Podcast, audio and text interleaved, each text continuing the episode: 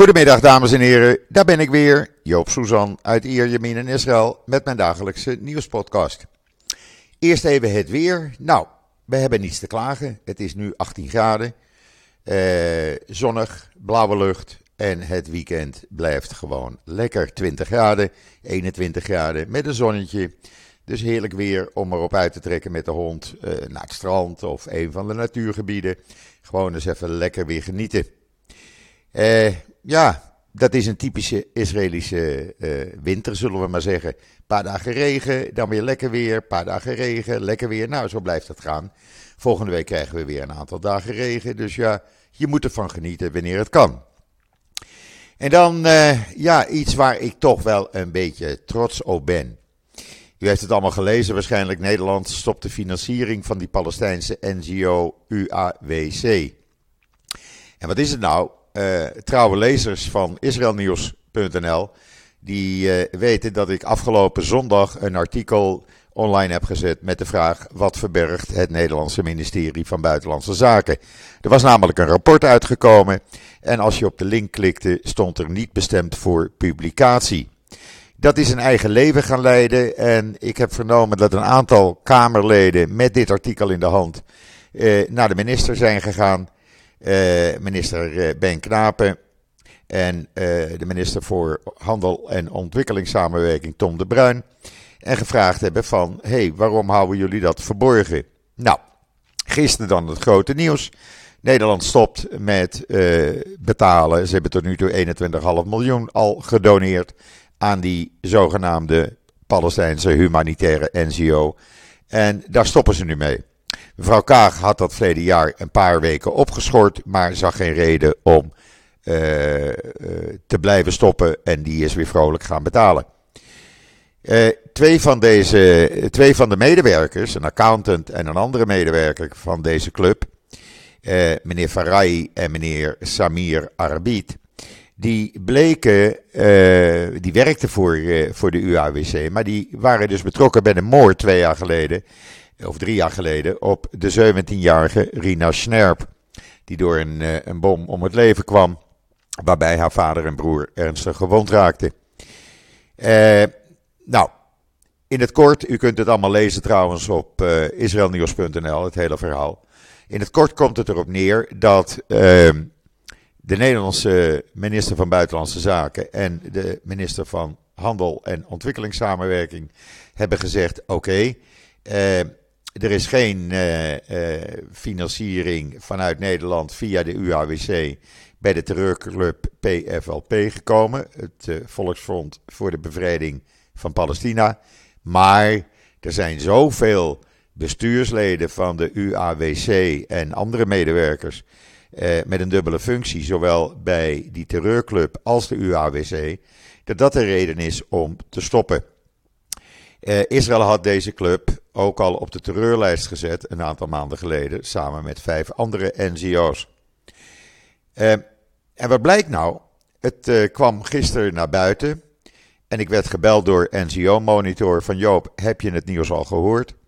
En ik ga kijken in mijn mail en ja, zonder aanleiding kreeg ik de hele brief van negen kantjes toegestuurd van de voorlichter van Buitenlandse Zaken. Zo van, meneer Suzan, beste Joop, we hebben al een tijdje geen contact gehad, maar hier de brief die nu uitgaat naar de Tweede Kamerleden.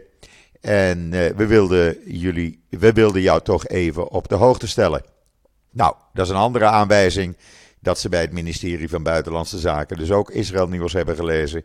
Want waarom zou je dat anders naar mij toesturen? Uh, en de UABC dan? Nou, die heeft een verklaring uitgegeven. Die staat in het artikel op israelnieuws.nl. Dat ze geschokt zijn dat de Nederlandse regering de financiering van een vooraanstaande Palestijnse maatschappelijke organisatie heeft gestopt. Uh, dat kan niet. En ze dreigen zelfs met gerechtelijke stappen als Nederland het besluit niet terugdraait. Ja, ze hebben nog een grote mond ook natuurlijk. Maar goed, ze doen maar. Eh, voorlopig gaat uw belastinggeld niet naar een zogenaamde human, humanitaire club. Waar enorm veel uh, medewerkers ook een functie hebben bij een terreurclub. En dan COVID.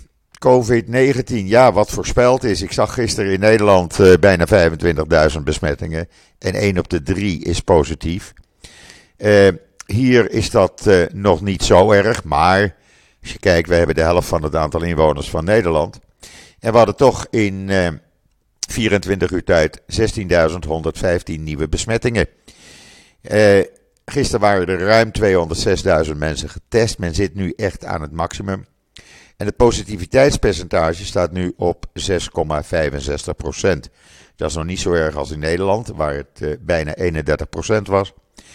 Uh, er zijn nu in totaal 72.034 actieve viruspatiënten afgelopen nacht om 12 uur. Dat is een stijging met ruim 14.000 ten opzichte van dinsdag. 34 mensen zitten in een quarantainehotel. In de ziekenhuizen liggen 22 meer patiënten dan op dinsdag, nu 307.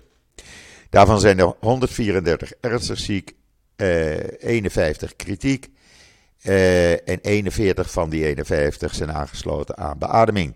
Zes mensen overleden in 24 uur tijd en brengt het totaal aantal doden op 8253.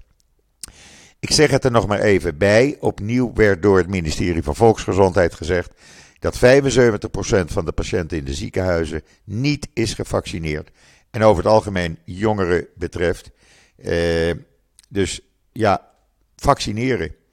Men heeft hier voorspeld, de virusexperts die hebben gisteravond de regering meegedeeld, van luister, de komende drie weken blijft het dagelijks stijgen. We zullen uiteindelijk zo rond de 40.000 of meer besmettingen per dag uitkomen. Als je dat vertaalt naar Nederland, zou dat dus dicht in de buurt van de 80 tot 100.000 besmettingen in Nederland kunnen zijn. Daarna, zegt men, gaat het afvlakken. Niet alleen omdat zoveel besmettingen zijn, eh, zoveel mensen besmet zijn, maar ook omdat er steeds meer mensen gevaccineerd zijn. Zoals ik u eh, gisteren meedeelde, ik heb mijn eh, vierde vaccinatie gisteren gekregen. Ik hoefde niet in de rij te staan. Mijn afspraak was om vijf uur bij mij in de straat. Ik kwam om vijf uur en uh, ik werd meteen gevaccineerd. En krijg over acht dagen in mijn groene paspoort deze vermelding dat ik er vier heb gehad. Zo werkt dat in Israël. Je hoeft er niet voor te reizen. Je hoeft er niet voor in de rij te staan met honderden of duizenden mensen, zoals mensen mij lieten weten. Maar gewoon op afspraak via internet en dan komt het allemaal goed. Eh, ondertussen, nu er zoveel mensen zich laten testen, heeft men de regels hier in Israël veranderd. Dat betekent eh, dat mensen onder de 60 jaar die in contact zijn gekomen met een bevestigde eh, viruspatiënt. En als deze mensen gevaccineerd zijn, kunnen ze een snelle antigene thuistest doen en hoeven niet meer in quarantaine. Men doet dat om de druk op de testcentra te verminderen. Want ja, mensen staan echt uren in de rij, zowel met een auto als uh, uh, gewoon uh, dat je ergens in de straat gaat testen. Meeste mensen gaan met de auto naar die drive-thru testcentra's, want dat is het makkelijkste natuurlijk. Kan je eten, drinken in je auto terwijl je wacht en je kan nog wat werken. Maar uh, ja, mensen die dus uh, uh, positief testen, die moeten tien dagen in isolatie. En dan mogen ze alleen maar uit zodra ze van een arts te horen hebben gekregen dat ze zijn hersteld. Ja, hopelijk zorgt dat niet voor meer besmettingen. In ieder geval niet gevaccineerde Israëli's ouder dan 60 jaar, die deel uitmaken van een risicogroep dus, die moeten zeven dagen in quarantaine, zelfs als het eerste resultaat negatief is. Eh, dat zijn dan Israëli's boven de 60 die gevaccineerd zijn. Ben je niet gevaccineerd en in aanraking gekomen met iemand die besmet is, dan moet je gewoon 14 dagen in quarantaine, verplicht. En op de zevende dag mag een uh, test worden gedaan in een kliniek of geautoriseerde faciliteit. En als die negatief is, kan je uit de quarantaine. Uh, en dan krijg je nog een tweede test en dan mag je ook het huis verlaten. Men uh, probeert op die manier de druk op testcentra te verminderen. Inmiddels is er in Amerika een onderzoek verricht en daar bleek zelfs uit dat asymptomische COVID kan leiden tot schade op lange termijn. Eh, schade aan eh, organen, eh, schade aan je reukvermogen, etc. Maar zelfs eh, dat kan voor ernstige lichamelijke schade zorgen. Dus hou dat in gedachten. En dan een leuk artikel uh, op Israël Nieuws. Hoe je je geest kan gebruiken om je fysieke prestaties, dus je sportprestaties, te verbeteren. Ik ga het niet helemaal verklappen, maar het is een leuk artikel met alle informatie. En misschien heb je er wat aan als je het gelezen hebt.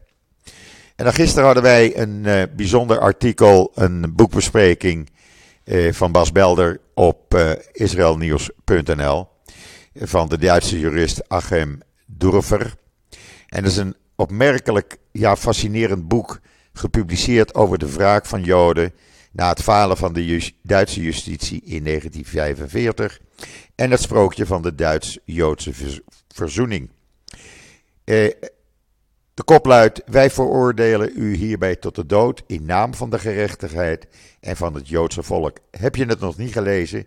Doe het even. Duizenden hebben het inmiddels gelezen. En ik krijg heel veel, heel veel positieve reacties. Ja, en dan hadden we gisteren natuurlijk het verhaal over meneer Van Acht. Meneer Van Acht met zijn Rights Forum, die ging het opnemen tegen de uh, nieuwe minister van Justitie, Dilan Gus. Ik heb het er al gisteren over gehad, hoe die de boel staat te belazeren, hoe die leugens staat te vertellen. En de BNN-Vara neemt dat gewoon over. Nou, Arnold Maat, die uh, is daar even op ingegaan. En die heeft per leugen eigenlijk de waarheid uh, meteen vermeld. En die zegt: Kijk, hij gaat de keer dat uh, zij ooit een reis heeft gemaakt met het CIDI naar Israël in 2017. Nou, dat geeft ze ook toe. Toen was ze nog geen Kamerlid. En dat geld wat zij, uh, waar die reis van betaald wordt, die wordt uit de Maroorgelden betaald. En die zijn bestemd voor Joodse organisaties. Uh, het is geen propagandareis. Het zijn reizen voor journalisten en voor iedereen die geïnteresseerd is in de feiten. En er staat ook in het feitenregister, of het reisregister van de Tweede Kamer, dat die reis is gemaakt en dat ze die gedeeltelijk uit eigen zak heeft betaald en gedeeltelijk eh, van de stichting Maror. Eh, dan claimt eh, meneer Van Acht met zijn Rijdsvorm dat alle sporen van de reis van uh, mevrouw Jessel Gus uh, ontbreken in de openbare registers. Nou, dat is helemaal niet waar, zegt Arnold Maat. De informatie heb ik hiervoor al genoemd. Het staat gewoon in het reizenregister van de gemeente Amsterdam. Want zij was nog geen Kamerlid. En dat ze er vandaag niet meer in staat in het reizenregister, komt omdat zij eh, vanwege haar huidige functie als staatssekretaris van Economische Zaken geen Kamerlid meer is. Dus het staat niet in het reisregister van de Tweede Kamer. En dan uh, uh, wat betreft uh, de aanklacht van meneer Van Acht dat uh, Jessel Gus ambtelijke regels lijkt te hebben overtreden. Nou, dat is helemaal niet waar, zegt hij. Ze heeft er nooit moeilijk over gedaan. En je kan het hele verhaal trouwens met alle argumenten lezen op dekanttekening.nl. Het is een leuke site. Ga het even volgen. En alle leugens van meneer Van Acht worden ontkracht. Het rijmt dus ook nog. De leugens van Vannacht worden ontkracht. en ik snap, nogmaals, ik snap niet echt niet dat uh, de VARA, BNR, maar het is de VARA, hier uh, gewoon één op één dit artikel overneemt. Ja, het toont een beetje aan de Israël-haat dan van de VARA, laten we maar zeggen. Uh, er is zelfs een Israëlische mensenrechtenorganisatie, uh, Bet Salem, die zegt: Nou, alles wat Van, van Acht schrijft, daar, uh, daar weten wij helemaal niks van, dat is helemaal niet waar. Ook die beschuldigen hem dus van uh, leugens. Terwijl ze altijd pro van acht waren. Want het is natuurlijk een, uh, ja, een linkse organisatie die tegen het huidige Israëlische beleid is. Uh, en dan uh, uh, Bethlehem-woordvoerder Sadot. die zegt, ja, meneer Van Acht kan wel van alles bewijzen. Maar ja, laat hij maar met bewijzen komen. Want die heeft hij niet. Hij vertelt gewoon een verhaaltje. Laat maar gaan. We moeten de man niet meer serieus nemen. En dan afgelopen nacht wilde de IDF een aantal Palestijnse terroristen arresteren. Daar was één Palestijn het niet mee eens. Die begon te schieten op de soldaten. En hij staat nu te boek als martelaar. Ja, dan moet je dat maar niet doen, zou ik zeggen. En dan Lapid, die heeft uh, afgelopen nacht, ja de man zit ook niet stil, gebeld met zijn collega Blinken uit Amerika. En daar hebben ze het uitvoerig gehad over uh, het belang van het uitoefenen van druk op Iran. En ze hebben gesproken over de Russische agressie, mogelijke Russische agressie tegen Oekraïne. Uh, ik vind het wel goed dat Lapid dat uh, doet. Op die manier blijf je uh, elkaar op de hoogte houden. En blijf je goede maatjes met je Amerikaanse collega. En die heb je toch nodig. Blinken heeft hem ook uitgelegd over de minimale voortgang in Wenen wat betreft de gesprekken met uh, Europa, Amerika en Iran. Maar hardlopen doet dat nog niet. En dan uh, is wel eens druk ook in de algemene vergadering van de VN. Uh, ze zijn nu met een resolutie aan de gang waarbij de VN het ontkennen van de Holocaust moet gaan bestrijden. Niet dat het gehandhaafd wordt, maar ze kunnen in ieder geval dan iets meer. Hopelijk wordt die stemming op 20 januari. Dat is ook de 80ste verjaardag van de Wannsee-conferentie, die door de nazi's werd georganiseerd om de uitvoering van Hitlers endleuzing te coördineren. Dus 20 januari, hopelijk wordt het aangenomen. Ik hou u op de hoogte natuurlijk. Even een slokje water, want ik heb een beetje droge mond. En dan uh, goed nieuws, hopelijk voor ons allemaal in Israël. Want uh, Lieberman, hij mag dan een rare man zijn. Altijd uh, recht voor zijn raap, ik hou daar eigenlijk wel van. Die had beloofd van, we gaan alles doen om de kosten van levensonderhoud te verlagen. Want het wordt te gek dat er maar een paar importeurs zijn en die bepalen de prijzen. Alles mag uit het buitenland gehaald worden, zolang het uh, goedgekeurd is, bijvoorbeeld door de EU of door Amerika. Eh, of het nou brillen zijn, zonnebrillen, eh, kleding, fietsen, speelgoed, maakt niet uit. Je kan het importeren en dan wordt de concurrentie hier wat harder. Zullen de prijzen ook omlaag gaan. er wordt nog wel een oogje gehouden door het Standaard Instituut van nou, is het allemaal uh, wel volgens de Israëlische productveiligheid. Maar in principe hebben die daar weinig meer uh, over te vertellen. Want, zegt Lieberman, fietsen die, fietsen die goed zijn voor Amsterdam, zijn ook goed voor Tel Aviv en Jeruzalem. Nou, en zo is het. En dan hoef je niet uh, één importeur te hebben. Als je daar een aantal importeurs hebt die fietsen uit Nederland importeren. Dan krijg je dus veel meer aanbod. En veel meer aanbod betekent lagere prijzen. En eh, hij gaat ook de regels voor importeren eh, eh, ver, vergemakkelijken, laat ik het zo zeggen. En eh, ja, ik hoop dat dat snel gaat gebeuren. Men wil zelfs zo ver gaan dat er parallel import voor auto's zal worden toegestaan. Er zijn nu 14 officiële auto-importeurs. Eigenlijk zijn dat er maar vijf. Maar ja, die hebben dan allerlei BV'tjes. Uh, en als er dan parallel kan uh, worden geïmporteerd, dan, uh, ja, dan worden de prijzen dus ook wat lager. En ze gaan daar ook de regels voor verminderen. Hopelijk gaat dat gebeuren, want inmiddels, ja, de elektriciteitsprijzen in Israël die gaan 1 februari 4,9% omhoog. En dat betekent nog wat als je veel airco gebruikt natuurlijk in de zomer, want dat is niet goedkoop.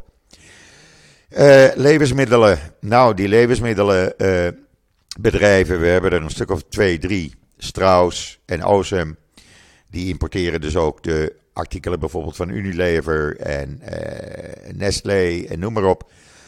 Ja, die hebben gezegd we gaan tussen de 4 en 7 procent al de prijzen verhogen. Wat doen de supermarkten ondertussen? Die hebben hier in Israël al een voorschot genomen en hebben ook hun prijzen al gemiddeld met 5% verhoogd. Terwijl de salarissen niet omhoog gaan. Dus ja, eh, hopelijk zien we dat effect. Ik moet wel zeggen, er is bij mij een nieuwe uh, supermarkt gekomen. En uh, ja, die heeft al lagere prijzen dan de Mega en Supersol. Philitzer heet het. Het is een kleine supermarkt. Leuke service, leuke mensen. Even kopen van alles, ook kant-en-klaar maaltijden. En uh, ja, daar blijkt al uit dat de Mega, die dus uh, in de shoppingmall zit, daar al uh, problemen door heeft. Ja, en dan nog even over het COVID-virus, want het blijkt dat er hier zo'n 120.000 mensen in totaal in quarantaine zitten. Want niet alleen de ruim 70.000 mensen die uh, besmet zijn, waaronder veel kinderen en jongeren, maar ook mensen die in uh, contact zijn gekomen met iemand die besmet is, zitten natuurlijk nu in quarantaine. En dat geeft een hele hoop problemen voor bedrijven. Heel veel bedrijven zijn al overgeschakeld op uh, thuiswerken. Bedrijven eisen nu van hun personeel dat ze gevaccineerd worden. Dat zijn hoofdzakelijk de Amerikaanse internetbedrijven, omdat dat in Amerika ook gebeurt.